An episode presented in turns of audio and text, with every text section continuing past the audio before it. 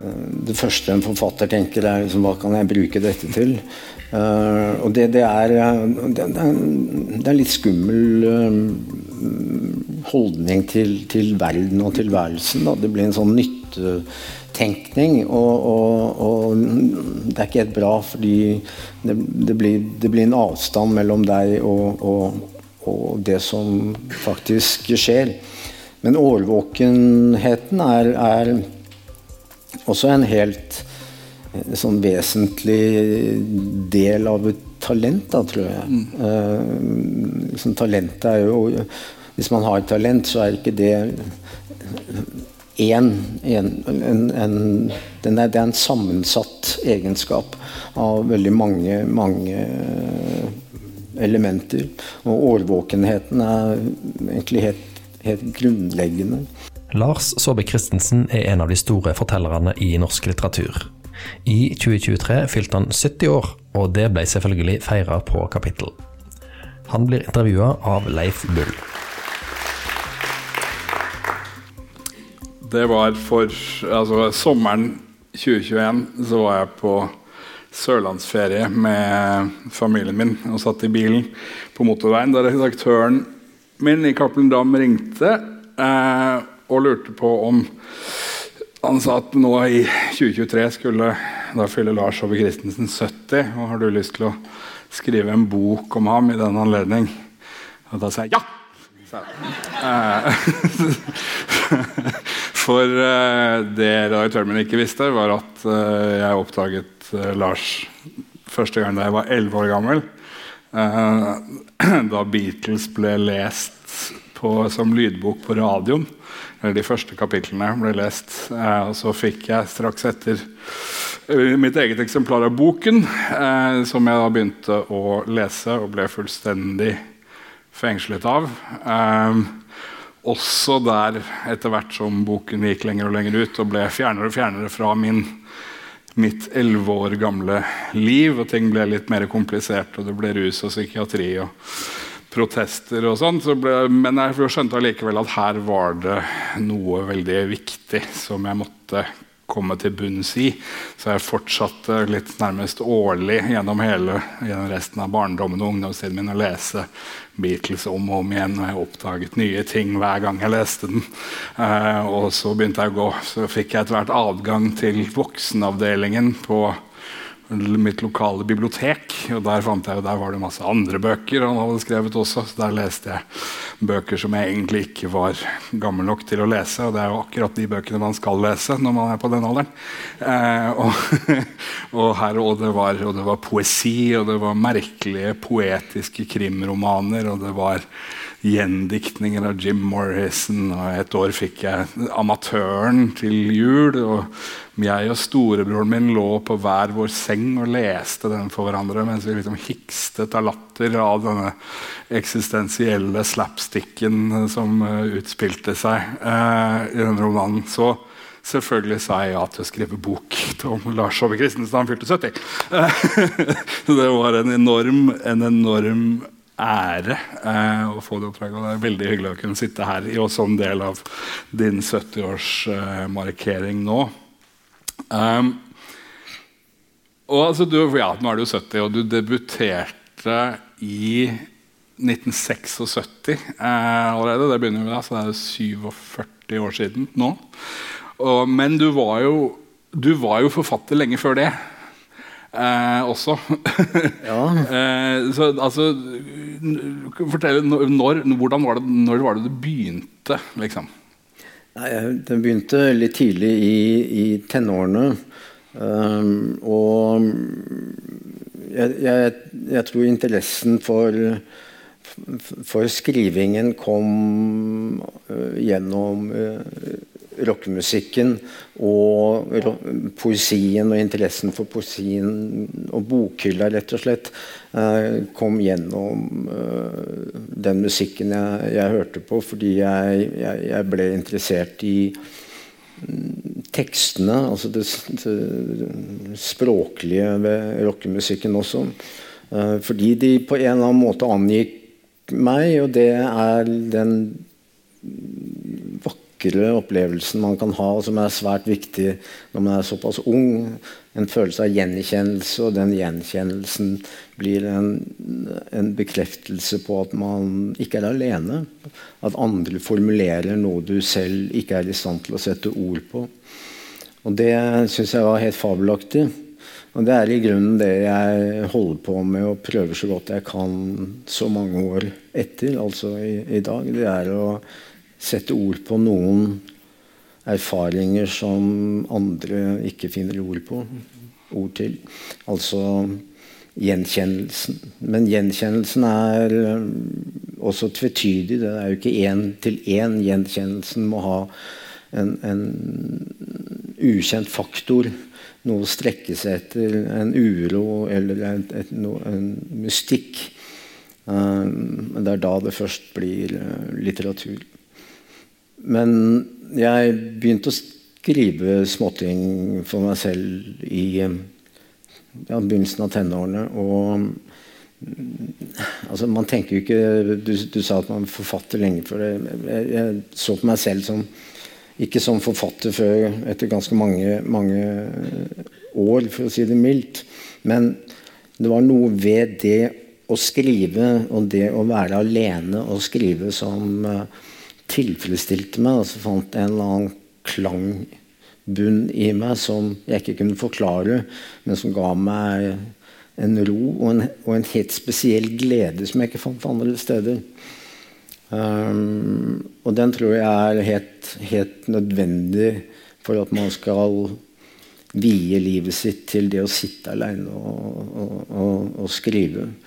Um, så det var der det begynte, på gutterommet i Gabelsgaten 19 i Oslo. Ja, for Hva var det du skrev om sånn helt til å begynne med? Altså Der du satt på gutterommet? Ja, altså det er, man, man er jo, Når man er 13 år så har man ikke noen egen, egen historie. Uh, og man skriver om uh, andre. Man skriver om det man det ser.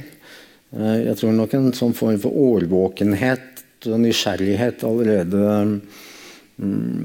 spilte spilt, en viss rolle. Altså jeg likte å se ut av vinduet og prøve å beskrive sånn, det, det jeg så der. Og prøve å forvandle det gjennom mitt blikk og min håndskrift. Da. men så er man jo, når man er 13 år, så er man jo dumdristig. Man skriver om de, de, store temaene Gud og evigheten og krig og, og, alt sånt, og kaster seg ut i det. Og det er også en, en, en deilig opplevelse, uh, egentlig. Eh, så, eh, men jeg har jo en sånn går ikke jeg og leser jevnlig gamle ting jeg har skrevet. Det er svært sjelden. Men i forbindelse med noe annet jeg skrev, så faktisk Vrakeren-romanen, så, så, kikket jeg gjennom en mappe med sånn maskinskrevne og noen håndskrevne dikt som, som var det første jeg skrev. Og plutselig i etterkant så kan man se noen linjer og noen tendenser og noen temaer som man på en eller annen måte har forfulgt og rendyrket uh, resten av livet. Og det var egentlig en ganske uh, fin, fin, erfaring å se at uh, det var noe som, som, lå der, og som da sannsynligvis for meg ikke var tilfeldig. Mm. Nei.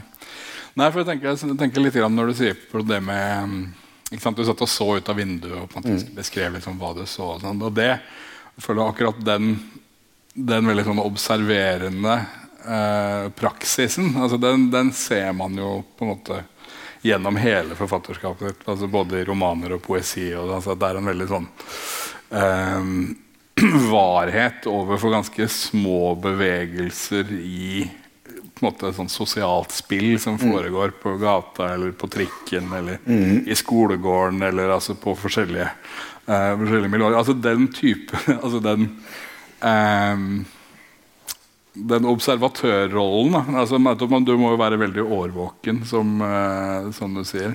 Uh, det krever, men det krever jo også en viss, altså det krever også en viss grad diskresjon. Ja. Og kanskje også en viss grad av kynisme. Eller i hvert fall eh, vilje til å, vilje til å omdanne det man ser, til uh, litteratur. Ja, og det, det, er det jo skrevet mye om. altså uh, Det første en forfatter tenker, er liksom, hva kan jeg bruke dette til? Uh, og det, det, er, det, det, er, litt skummel holdning til, til, verden og tilværelsen. Da. Det blir en sånn nytte tenkning. Og, og, og, det er ikke helt bra, fordi det, det, blir, det blir, en avstand mellom deg og, og, det som faktisk skjer. Men årvåkenheten er, er også en helt sånn vesentlig del av et talent, da, tror jeg. Mm. Uh, liksom, talentet er jo Hvis man har et talent, så er ikke det en, en, en, den er, det er en sammensatt egenskap av veldig mange, mange elementer. Og årvåkenheten er egentlig helt, helt grunnleggende. Og Det er derfor jeg årvåkenheten både overfor seg selv og det som, som skjer rundt det. At man følger med på mennesker. Uh, men også kunne årvåkenhetens empati også, da, hvis man kan bruke det, det uttrykket. Og Det er derfor jeg de sjeldne gangene jeg nå er ute i, i skolen og snakker med elever, og de selvfølgelig kommer til et punkt hvor de spør uh, hvordan man blir forfatter. Så det i og for seg mange måter er ja, ganske enkelt skrive først, da. Uh, men jeg sier i hvert fall du må legge bort den telefonen din tre timer og 40 minutter hver dag. Og rett og slett være i øyeblikket, være til stede. Enten du er alene eller sammen, med andre. Altså, distraksjonen er, er forfatterens uh, største fiende. Distraksjonen er også leserens i mine øyne største fiende. Og jeg tror aldri har det vært mer distraksjoner eh, som nå. Nei, det er kamp om, uh, kamp om oppmerksomheten. altså, jeg hadde ikke blitt forfatter hvis jeg ikke hadde gått rundt og dagdrømt. Mm. Altså, det, det, er der stoffet mitt begynte å bevege seg i meg. Altså, i, i dagdrømmene, i uh, det å gå rundt og være i sine egne tanker mm. også. Kjempeviktig. Ja, det, er liksom den, det er ikke alltid et like hyggelig sted å være, men det får man holde ja. Nei, men Det er den, den kombinasjonen av å kunne være, være både i sin egen tanke, men også det å faktisk registrere hva som skjer rundt seg. Jeg tenker at Det er ikke nok å ha en altså, glitrende formuleringsevne hvis man ikke har noe blikk for hvordan mennesker oppfører seg. altså, hvis man ikke har noe sånn innsikt i, i det menneskelige. Ja, se hvordan verden eller den nære verden mm, ter seg. Mm.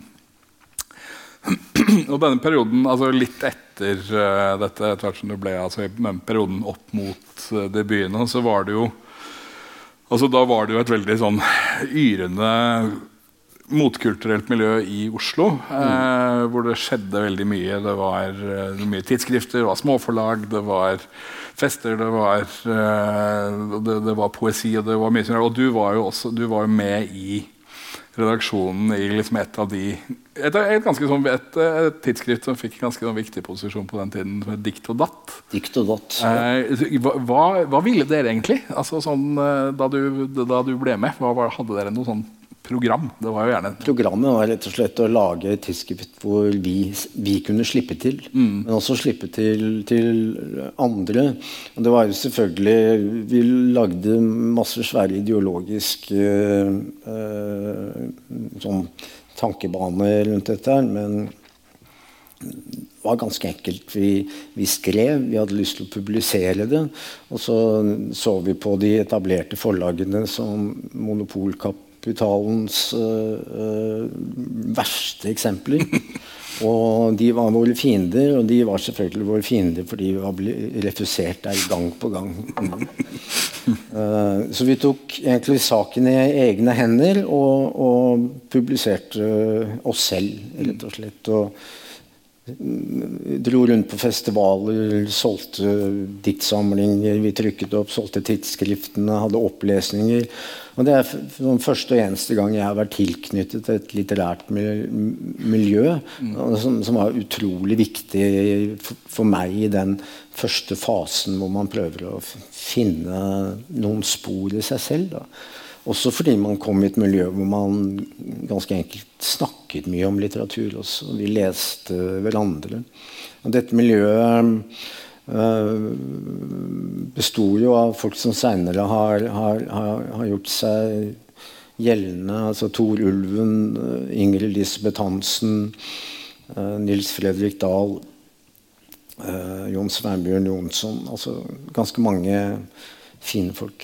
Ja, dere kom dere jo inn dere kom dere jo inn i de store forlagene, veldig mange av dere.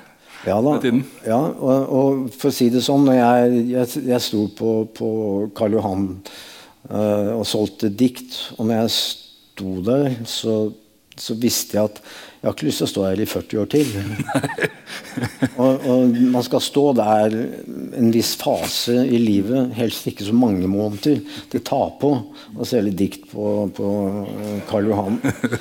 Uh, så, så målet var jo selvfølgelig egentlig å komme og etablere seg på, på et, et, eller annet vis. Uh, og så ble jeg antatt på Cappelen Forlag i, i, i 1976. Ja. ja, og der har du jo vært siden. Der har jeg vært siden. Og da hadde jeg blitt refusert uh, massevis av, av ganger. Men jeg tror det er det som Um, sånn på godt og vondt, og det skriver jeg litt om i romanen 'Vrakeren', at hovedpersonen der også, som også, til forveksling lik min erfaring, blir refusert gang på gang. Men så innser han at han finner en styrke i seg selv som overbeviser han om at han er forfatter, nemlig at han ikke gir seg. Ja, ikke sant? Mm. Han lar seg ikke knekke av det. Og så opplevde jeg det lykkelige øyeblikk at mitt manuskript eh, kom i Kolbein Falkeids hender, og han som var konsulent, og han så noen linjer som han syntes var ok, og antok det.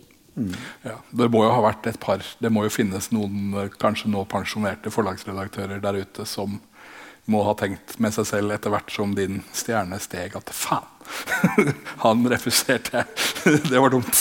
ja, det, er, det, er, tusenvis av sånne, sånne historier. Og det, det er, jeg, jeg, er glad for at de første manuskriptene jeg sendte inn, uh, ikke, ikke, ble antatt, for å, si det, for å, si det, sånn. Men det var en prosess som, som gikk sin gang. Mm. Ja. Så, ja, så da, nå, ja, da, det er nå 40, ja, 47 år siden. Det er, hvordan ser du på det å være forfatter nå kontra det å være forfatter da? Altså, sånn, hvordan uh... Uh, altså det, det, det, er noe sånn rart ved det, fordi forfatterne gjør jo egentlig akkurat det samme. Altså jeg sitter og står opp om morgenen og sitter og skriver. Jeg har litt andre uh, verktøy. Mm. Som, som selvfølgelig betyr ganske mye. Men i bunn og grunn så lager jeg jo disse diktene og romanene nøyaktig på samme måte og tenker, tenker på dem på samme måte som uh, for 40-50 år siden. Så det er et sånt veldig sånn slitesterkt og gammeldags yrke, egentlig. Mm. Å, skrive, det, det, det liker jeg. Uh, forholdene rundt litteraturen, altså litteraturens offentlige rom, er selvfølgelig forandret. Mm. Uh, på, på, godt og vondt. I dag finnes det uh, altså langt, langt flere arenaer for, uh, for forfattere, for opplesninger, for, for, slike møter som dette her, som er blitt viktigere og viktigere for forfattere, og derfor også for litteraturen. Uh, som det var svært få av uh, for 50 år siden. Uh, da var det selvfølgelig langt flere, flere, anmeldelser, fordi det var langt flere aviser, og avisene hadde en helt annen um, posisjon. Men og, men kommersialiseringen og den litt merkelige Altså underholdningskravet og uh, kampen om folks tid, den er utrolig skjerpet. Mm. Du har jo eh, Vi satt og snakket litt om dette her i sted. at Du har jo vel prøvd å telle hvor mange språkbøkene dine ble oversatt til. Og det var rundt 35 eller noe sånt som var eh, ja.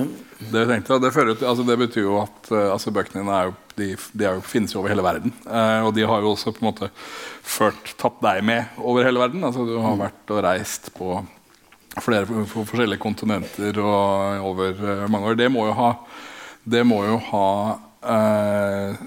det må jo ha ført med seg en, en del ganske minnerike reiser, tenker jeg. Det er ja. noen, noen uh, opplevelser du uh, ikke hadde trodd.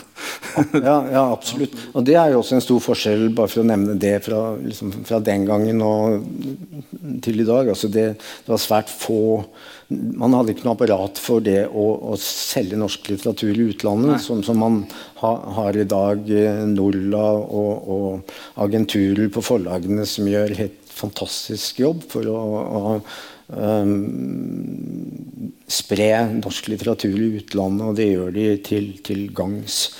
Uh, men det, det å bli, bli lest i, i, en annen kulturell kontekst uh, i, innenfor et annet språkområde er utfordrende. Men det er, det er, veldig interessant, fordi blikket blir alltid litt annerledes. Mm. Fordi det er en del uh, detaljer og for å bruke det ordet igjen, distraksjoner som de ikke er plaget av, men som hefter ved kanskje en lesing her hjemme da, når, man har skrevet så mange bøker i, i, i, i 50 år. Mm. Jeg forsøkte i, i uh, eh, 2007 så ga jeg ut en roman som het uh, 'Modellen'. Uh, jeg, jeg, jeg ble sett på som Eh, den sorgmuntre Skillebekk-forfatteren. Og jeg krympet meg hver gang jeg, jeg hørte det. Altså, Skillebekk var ålreit, men ikke sorgmunter. Uh, uh, tenkte jeg nå skal jeg var sånn inspirert av Tom Waits, som nettopp hadde gitt ut en plate hvor han ikke spilte piano i det hele tatt. tenkte jeg, Hvis Tom Waits kan lage en plate uten å spille piano, så skal jeg lage en bok uten Skillebekk. Og det gjorde jeg. Jeg hadde ingen stedsnavn. Det hjalp ikke. Skillebekk kom inn i lesingen uansett. Men det slipper man i utlandet. Ja, ja, det er en annen. Og det, det er Kundra har, har beskrevet sånn tre sirkler som, som, lesingen foregår i. og Det ene er den lokale. Mm. Det andre er den nasjonale, og så er det den internasjonale. Uh, alle, de fleste forfattere vil gjerne fort ut i den internasjonale uh, sirkelen. Men du kommer ikke dit hvis du ikke begynner i den lokale. Og det er der du settes på prøve. Mm. Det er der de tar deg. Mm. Hvis du gjør noe gærent. Og for eksempel jeg kan fremdeles gå over Fagerborg, og så er det noen som kommer kom bort til meg og sier ja, du vet det, i halvbroren der du plasserte Esters kiosk på feil hjørne. Så tenker jeg, Det er 20 år siden. Roman på 700 sider. Jeg brukte 15 år på å skrive den. Og så er det den der jævla kiosken. Men det er det egentlig ingen på Senja som bryr seg om. Nei. Og det er heller ingen i New York som bryr seg om det. Nei. Mm. Nei, Men det er viktig liksom. at noen bryr seg om det. Og det er der på en måte testen din Du skal bestå en test. Uh, men det er veldig interessant å være i den ytterste sirkelen også. Ja, ja for f.eks. når du reiser La oss si du reiser til ja, for, altså, du, du har, Når du reiser til Kina, f.eks. Uh, eh, og skal møte lesere der. Altså, hva, hvordan, hvordan, opplever de bøkene dine? Liksom? Det er jeg var i Kina for ja, syv-åtte år siden. Uh, og i forbindelse med at uh, romanen 'Beatles' uh, kom ut Og da, da, var det jo over 30 år siden jeg hadde skrevet den, den romanen, så det ble eh, noen ganger er det fryktelig vanskelig å snakke om gamle romaner, og særlig når det har gått så lang tid. Mm. Fordi jeg på en måte har forandret litt uh, syn på den. ikke sant? Uh, og uh, jeg besøkte universiteter og skoler og, og ungdomssteder hvor samlet masse mennesker. og som hadde lest den, og det ble lest opp og spilt Beatles-musikk og alt mulig. Og så gjenkjente jeg en eller annen sånn liksom, Alle guttene hadde lange pannelugger, og plutselig så, så var det liksom nesten som å være tilbake til i en sånn, litt sånn opprørstid. Den, den, tiden jeg egentlig skriver om i, i romanen Beatles. Det var en, en veldig sær og ekstremt uh, sånn, uh, betydelig opplevelse for meg. Da. Fordi jeg også måtte gå tilbake i meg selv for å kunne snakke ærlig om romanen. Mm. Ja, for det jo plutselig var du sånn, i en sånn 68-setting, på en måte. Men, ja, ja, men i relativt Det er jo Unge mennesker som plutselig liksom løsnet litt. De får høre musikk. Uh, de, de, de um, får lese disse bøkene. Og en sånn opprørs, ungdomsopprørstrang som jeg kjente igjen. Mm. Så, ja, for det, nå, nå, har du jo også en ja, som nevnt, en ny, ny bok ute nå, 'Vrakeren'. Veldig, som, for de av dere som ikke har lest den ennå, så handler den bl.a. om eh, forfatteren Jørgen Ribe eh, og en, en eh, en, og et forsøk begått av en mann ved navn Bendik Riis på å skrive en biografi om Jørgen, forfatteren Jørgen Ribe. At de har, de har uh, møttes uh, i, da, de begge var, da de var unggutter. Og nå, uh, som godt vokaler aldrende, aldrende menn, så skal denne Bendik, Bendik Riis prøve, prøve, å skrive en biografi om Jørgen Ribe. En prosess som ikke, altså, som både møtes med en viss grad av uh, Eller som kommer til uttrykk med en viss grad av ambivalens rundt uh, måte, biografens rolle, hva han gjør. Altså, det hører med at denne, denne biografen er en tidligere kriminell, uh, blant. Så en litt sånn ukonvensjonell inngang til biografyrket. Um, så jeg lurer litt på nå som du selv på en måte er i ferd med å Eller ja, du har jo akkurat fylt 70, men altså at du er jevnaldrende med Hvordan forholder du deg selv til spørsmålet om ditt eget ettermæle? Ok. Ja. Er vi kommet så langt? Nærmer oss slutten. Nei da. Og vi har masse. masse. Nei, nei, det um, uh, Ettermæle, ja. Nei, jeg har gjort et veldig bra intervju med Atle Antonsen på, på Glatta. Mm. eh, kanskje det blir, blir stående. Uh, nei, det tenker jeg ja, Kanskje jeg lyver når jeg sier at jeg ikke, ikke tenker, tenker, på det. Men jeg, jeg, nei, jeg er ganske ærlig når jeg sier at jeg ikke, ikke tenker i de, de, i de baner. Uh, hvis jeg tenker i de baner, da er jeg skikkelig nedfor. Mm.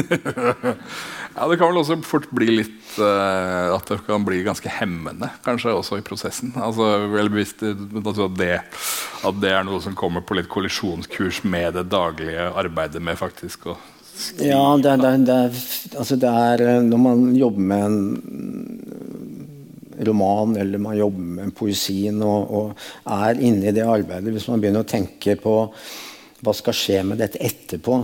Uh, skal det bli så og så populært? holdt jeg på å si? Skal det bli tatt imot på den og den måten? Skal jeg få priser? og alt dette? Begynner, og Det er også en del av de der distraksjonene man kan bli ødelagt, ødelagt av. Man må være i, i skrivingen og ikke tenke på hva som skjer etterpå. Når det er ferdig, så kan man begynne å tenke så mye man vil på det. Men mens man jobber med det, så må man ikke gjøre det. For det kan føre deg ut på sånne rare feil, feilspor, rett og slett. Du kan, å, du kan plutselig begynne å tenke på det trollet som heter leseren. og forfatteren er glad i sin leser, men hvis forfatteren hele tiden tenker på leseren, så forandres leserens posisjon seg fra å være en, en, en som skal um, oppleve det du gjør, og han blir en kunde. Mm. Og det er ikke noe hyggelig. Nei. Um, og det er altså et annet spørsmål om den boka. Altså det gjelder, altså kan si, altså Jeg skriver litt om Eller i, um, i Tingenes musikk så skriver jeg vel at uh, det sentrale dramaet i dine eh, bøker er, det, det, er familiedrama. Altså det, er, det, er, mor og far og barn. Det er liksom kjerne, en kjernefamilie som da helst består av tre eh, stykker. Dette er liksom en, noe, har, eh, noe, som dukker opp i eh, veldig mange av romanene dine og, eh, og, novellene. Og at det er en sånn dramaturgisk enhet som gir, eh, gir mye sånn struktur til, eh, til disse fortellingene. og altså, I senere tid så har du liksom et par romaner som virkelig utmerker seg for en veldig sånn rørende og varm Eh, en veldig sånn rørende og varm skildring av eh, altså Først i byens sporbøkene, bøkene, så er det særlig Mai. altså mm. Moren til Jesper er skildret som hennes, hennes veldig sånn omsorgsfulle skikkelse, som er skildret med en veldig stor grad av eh, kjærlighet. Og også din egen far i min kinesiske farmor. Mm. Eh, og dette er veldig sånn veldig varme. Eh, på, på, en, på, en, måte ganske sånn lyse, eh, veldig kjærlighetsfylte portretter. Eh, og du kan si at da i, i Vrakeren så kan du si at da har man altså dette at her er det noe som er litt annerledes. Her har, måte, her har det gått fra dur til mål, kan du si. At, uh, altså, her er, altså den morens, Moren til Jørgen Rive her, altså hennes omsorg har noe litt sånn tyrannisk og truende over seg. Hun er litt sånn portvokter. Sånn, hun styrer med litt sånn hard hånd egentlig hjemme. Mm. Uh, og mens faren er, han er litt sånn komisk, og den fjernheten hans får noe litt sånn komisk og puslete over seg. Altså, så da lurer jeg på altså, Denne typen sånn, den typen uh, ja, overgang fra dur til moll har det jo, har, ser man jo også ellers i forfatterskapet ditt. Altså sånn etter, mm. etter halvbroren kom uh, 'Maskeblomstfamilien', f.eks., som er nærmest en sånn anti-Saabye Christens-roman, hvor liksom tidligere motiver bare vris om og vrenges og gjøres mørke og truende der de før var litt sånn vemodige. Uh, og det jeg da lurer på, er altså når du har disse overgangene, er det, altså, er det noe som på en måte tvinges frem av den fortellingen du jobber med der og da? Eller er det sånn at du tenker at nei, nå blir det rent for koselig her. Nå må vi ha, må vi ha et par dråper cyanid i punchbollen.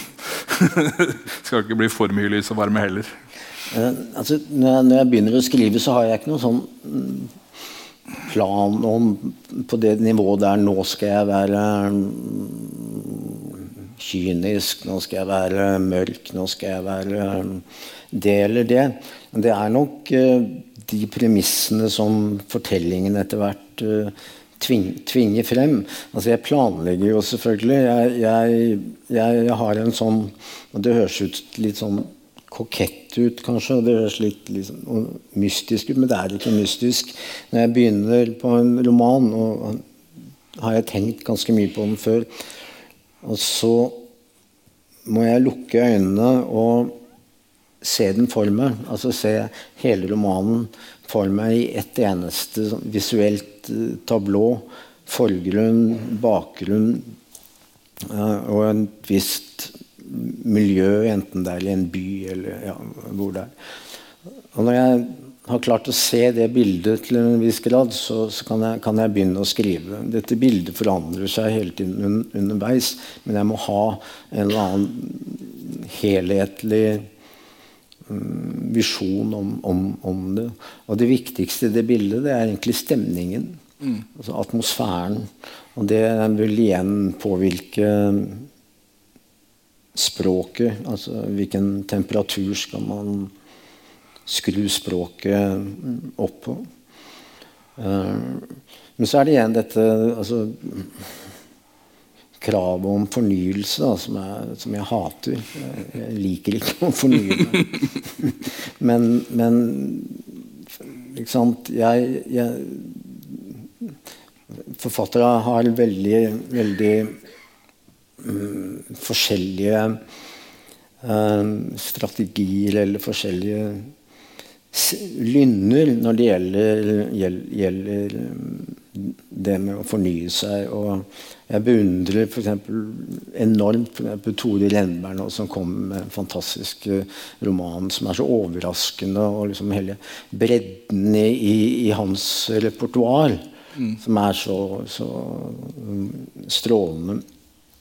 Eh, eh, disse forandringene i, som eventuelt måtte finnes i mine romaner, de er veldig de er, ganske, de er ganske beskjedne, men de er der allikevel. Og jeg eh, leste en gang jeg, jeg, er veldig opptatt av billedkunst. Og jeg, jeg ser på meg selv som en vis, ganske visuell forfatter. Og den store danske maleren som en av mine favorittmalere, Wilhelm Hammershøi, som malte fantastiske interiører fra sin borgerlige leilighet i, i, på Strandveien i København på begynnelsen av 1900-tallet. Han brukte et helt år på å male et tomt kjøkken hvor det var et bord med en kaffekopp, hvit porselenskaffekopp, som lyset falt på. Han jobbet ett helt år med det ene maleriet. Så sto han og så på det og ristet på hodet. Det var et eller annet feil. Og så brukte han ett år til.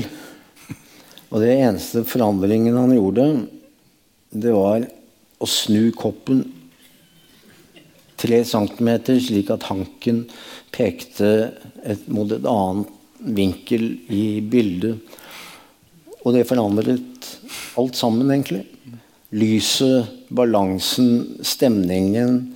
Så det var en, en Jeg har skrevet et sted at det, det, det, var en revolusjonær kaffekopp.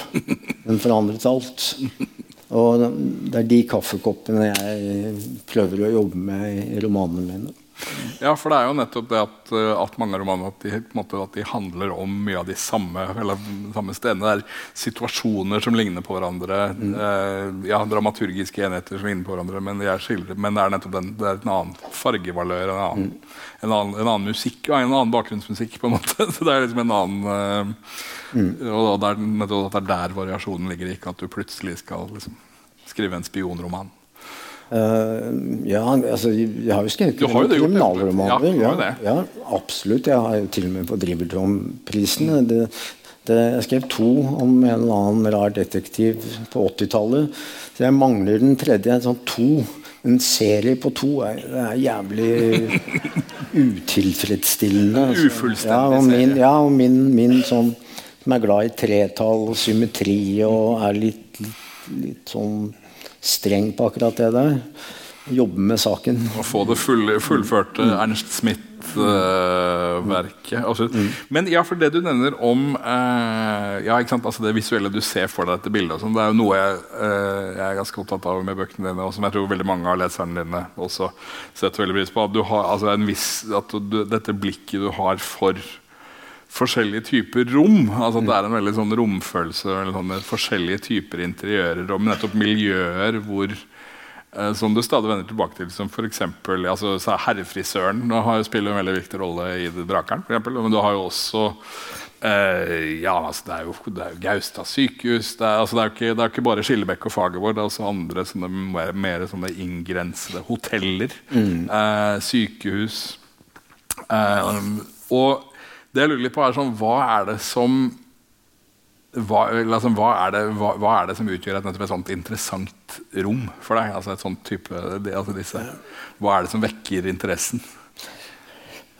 Ja, det, det er egentlig mange, mange ting. og de, Disse rommene har jo helt forskjellige mm, kvaliteter. Og, men, men, jeg er helt avhengig, avhengig av det. Altså, liksom på et litt større plan da, så, så så er det noe man, en romanforfatter må bestemme seg for. Og det er en av de tingene man må bestemme seg for på forhånd. Altså hvor finner fortellingen sted? Og den må finne sted et sted. Og øh, ofte velger jo forfattere ikke bare av, fordi det er øh, hensiktsmessig og kanskje lettvint man velger steder man kanskje har vokst opp eller har bodd. Og, men det er fordi man har en eller annen form for eh, førstehåndskunnskap om disse stedene som gjør en i stand til å bevege seg i omgivelsene med autoritet. Og ikke være der som en turist, eh, hvis det er det man ønsker. Da. Uh, men så liker jeg de små rommene. Altså, og liksom da det, det, store stedet for meg er jo da eh, Oslo, men deler av Oslo strøk, gater. Og innenfor det området så fins det en sånn rekke rom som, som, interesserer meg. Og jeg tror alle, alle romanene mine har eh, minst et, et slikt rom hvor det skjer noe dramatisk, og hvor, hvor eh, ting står på spill. Eh, I Halvbroren er det tørkeloft eh, i, i, leiligheten hvor denne familien jeg skriver om, bor. Brakeren er det kjellerboden. Og i og for seg herrefrisøren. Disse litt trange rommene som gjør også samværet og dialogen presset på en eller annen måte, det, det, det interesserer meg. Og dette er egentlig litt sånn um, til felles med filmen, og jeg har jo skrevet mye for film. altså det som er utrolig viktig i en film, det er hvor finner en dialog og et møte, møtested. Og det, det, kan man se i, i, gode filmer, så er regissører ekstremt flinke på å velge location. Også der de viktige scenene skal, skal utspille seg. Parkeringshuset hvor de to litt tvilsomme typene i mm. lagerfrakt trenchcoat møtes ja. for å utveksle kofferter med hemmeligheter. ja. Men det er jo også kanskje, altså det er jo noe med disse stedene som også er preget av et sånn, at det er litt sånn egne regler der. Altså ja. for eksempel, nettopp, altså Hotellet har på en måte sin egen sånn ja, steder med sine egne koder? Sine ja, egne abs absolutt. Og, og, hotellene liker jeg, jeg, er jo veldig glad i hoteller i virkeligheten også. Jeg, jeg, liker å bo på hotell. Jeg gjør det ikke så mye, men jeg, alle, alle romanene jeg har skrevet, har på en måte vært innom hoteller. Og den første romanen jeg skrev, som du refererte til, uh, 'Amatøren', den skrev jeg etter jeg hadde fått Tarjei Vesaas-prisen og brukte alle pengene på å reise i Frankrike og leve ut alle klisjeer så sterkt som overhodet mulig. Og satt på ettermiddagene på hotellrom og, og skrev for hånd den, den, den romanen. Og siden så har ja, jeg, alle bøkene jeg har gitt ut, har vært innom et hotell. Mm. Ja, jeg husker det faktisk fra vårt aller første møte. altså denne Tingenes musikk ble til eh, altså blant annet basert på masse samtaler vi hadde på diverse hoteller rundt i Oslo-området. hvor vi satt og snakket i timevis og drakk kaffe og pratet og spiste lunsj og pratet. og Drakk litt mer kaffe og pratet og møttes til middag og pratet. Og, eh, og våknet og spiste frokost og pratet litt til. og jeg husker Noe som imponerte meg veldig den første, første gangen, var nettopp etter at vi hadde da sittet og prata i timevis. Så du, etter middag så trakk du deg tilbake til rommet ditt med en termos med kaffe for å skrive. da, måte, da, følte jeg liksom, Nå var jo arbeidsdagen visselig over. Men uh, det var det ikke for deg. Jeg måtte benytte sjansen ja, og se hvordan det var å skrive på Refsnes. Mm. så skal vi se hvordan Jeg tror vi har kort tid til bare en liten kort ting. For det er jo altså, Apropos når du var Uh, ganske ung og skrev, så er det dette er et dikt du refererer til i eh, 'Min kinesiske farmor', men som også dukker opp i 'Vrakeren', 'Brakeren', som er noe du skrev i din helt spede ungdom. Eh, som er et veldig kort dikt om, skrevet om du urmakerne på Drammensveien. Mm. Og det lyder følgende. Når jeg ser to klokker på en gang som viser forskjellig tid, blir jeg redd. Er det jeg som går feil? Eh, det er jo et dikt som er altså skrevet da du var 13-14 år, og er umiddelbart gjenkjennelig som et Lars Ove Christensen-dikt. Eh, Bl.a. pga. denne fascinasjonen for tid, og tid som noe litt sånn ustabilt og forstyrret. Så, altså, hvor, altså, veldig, dette er noe du ble veldig klar over veldig tidlig, tydeligvis. Altså, at tid er noe Og hvordan er forholdet ditt til tid nå kontra da? Uh, altså det diktet, det, det lille diktet, det, da hadde jeg skrevet masse rart hadde, ja, som jeg allerede har nevnt. Og det, det er jo en, en, en, sånn erfaring og observasjon som jeg hadde liksom, plutselig på vei til skolen hvor jeg stanset foran urmakerne på Drammensveien. Hvor det ligger masse urmakere. Og første gang la jeg merke til at alle klokkene i vinduet der um, faktisk viste feil tid. Og det gjorde en, et, et sånn ekstremt sterkt uh, inntrykk på meg. Det, uh, jeg på, jo, jeg var nok en følsom ung gutt, holdt jeg på å si. Men det var noe skremmende, noe katastrofalt ved det, som, som rokket ved noe, noe i, i, meg.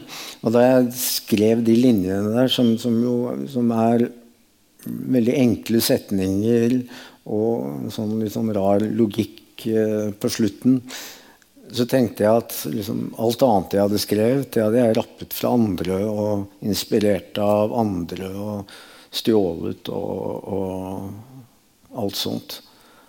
Men plutselig så, så, tenkte jeg dette har jeg skrevet. Kanskje det bare var jeg som kunne skrive de linjene der. I hvert fall var det jeg som skrev dem først. Og det var en, en sånn veldig sterk opplevelse av ikke å ha lykkes. Uh, det er ikke den målestokken, men det beviste et eller annet. Jeg vet, ikke helt hva. Og så leter man etter stemmen sin enda mer. Uh, og man leter etter stemmen sin ved å imitere andre stemmer. Mm. Ja, da tror jeg rett og slett vi runder av eh, der. For nå skal det bli konsert. Og så må jeg bare si min, hvilket, hva jeg øh, Min forhold til tid nå. Ja. Um, til min 70-årsdag fikk jeg bare klokker. jeg kommer ikke til å bytte én av dem. Jeg, jeg, har brukt alle allerede. Det er to vekkerklokker også. Så jeg var veldig fornøyd med, ja, med gaven denne gangen. Mm. veldig riktige veldig riktige, veldig riktige bursdagspresanger, jeg må si det. Tusen takk. Takk for oss.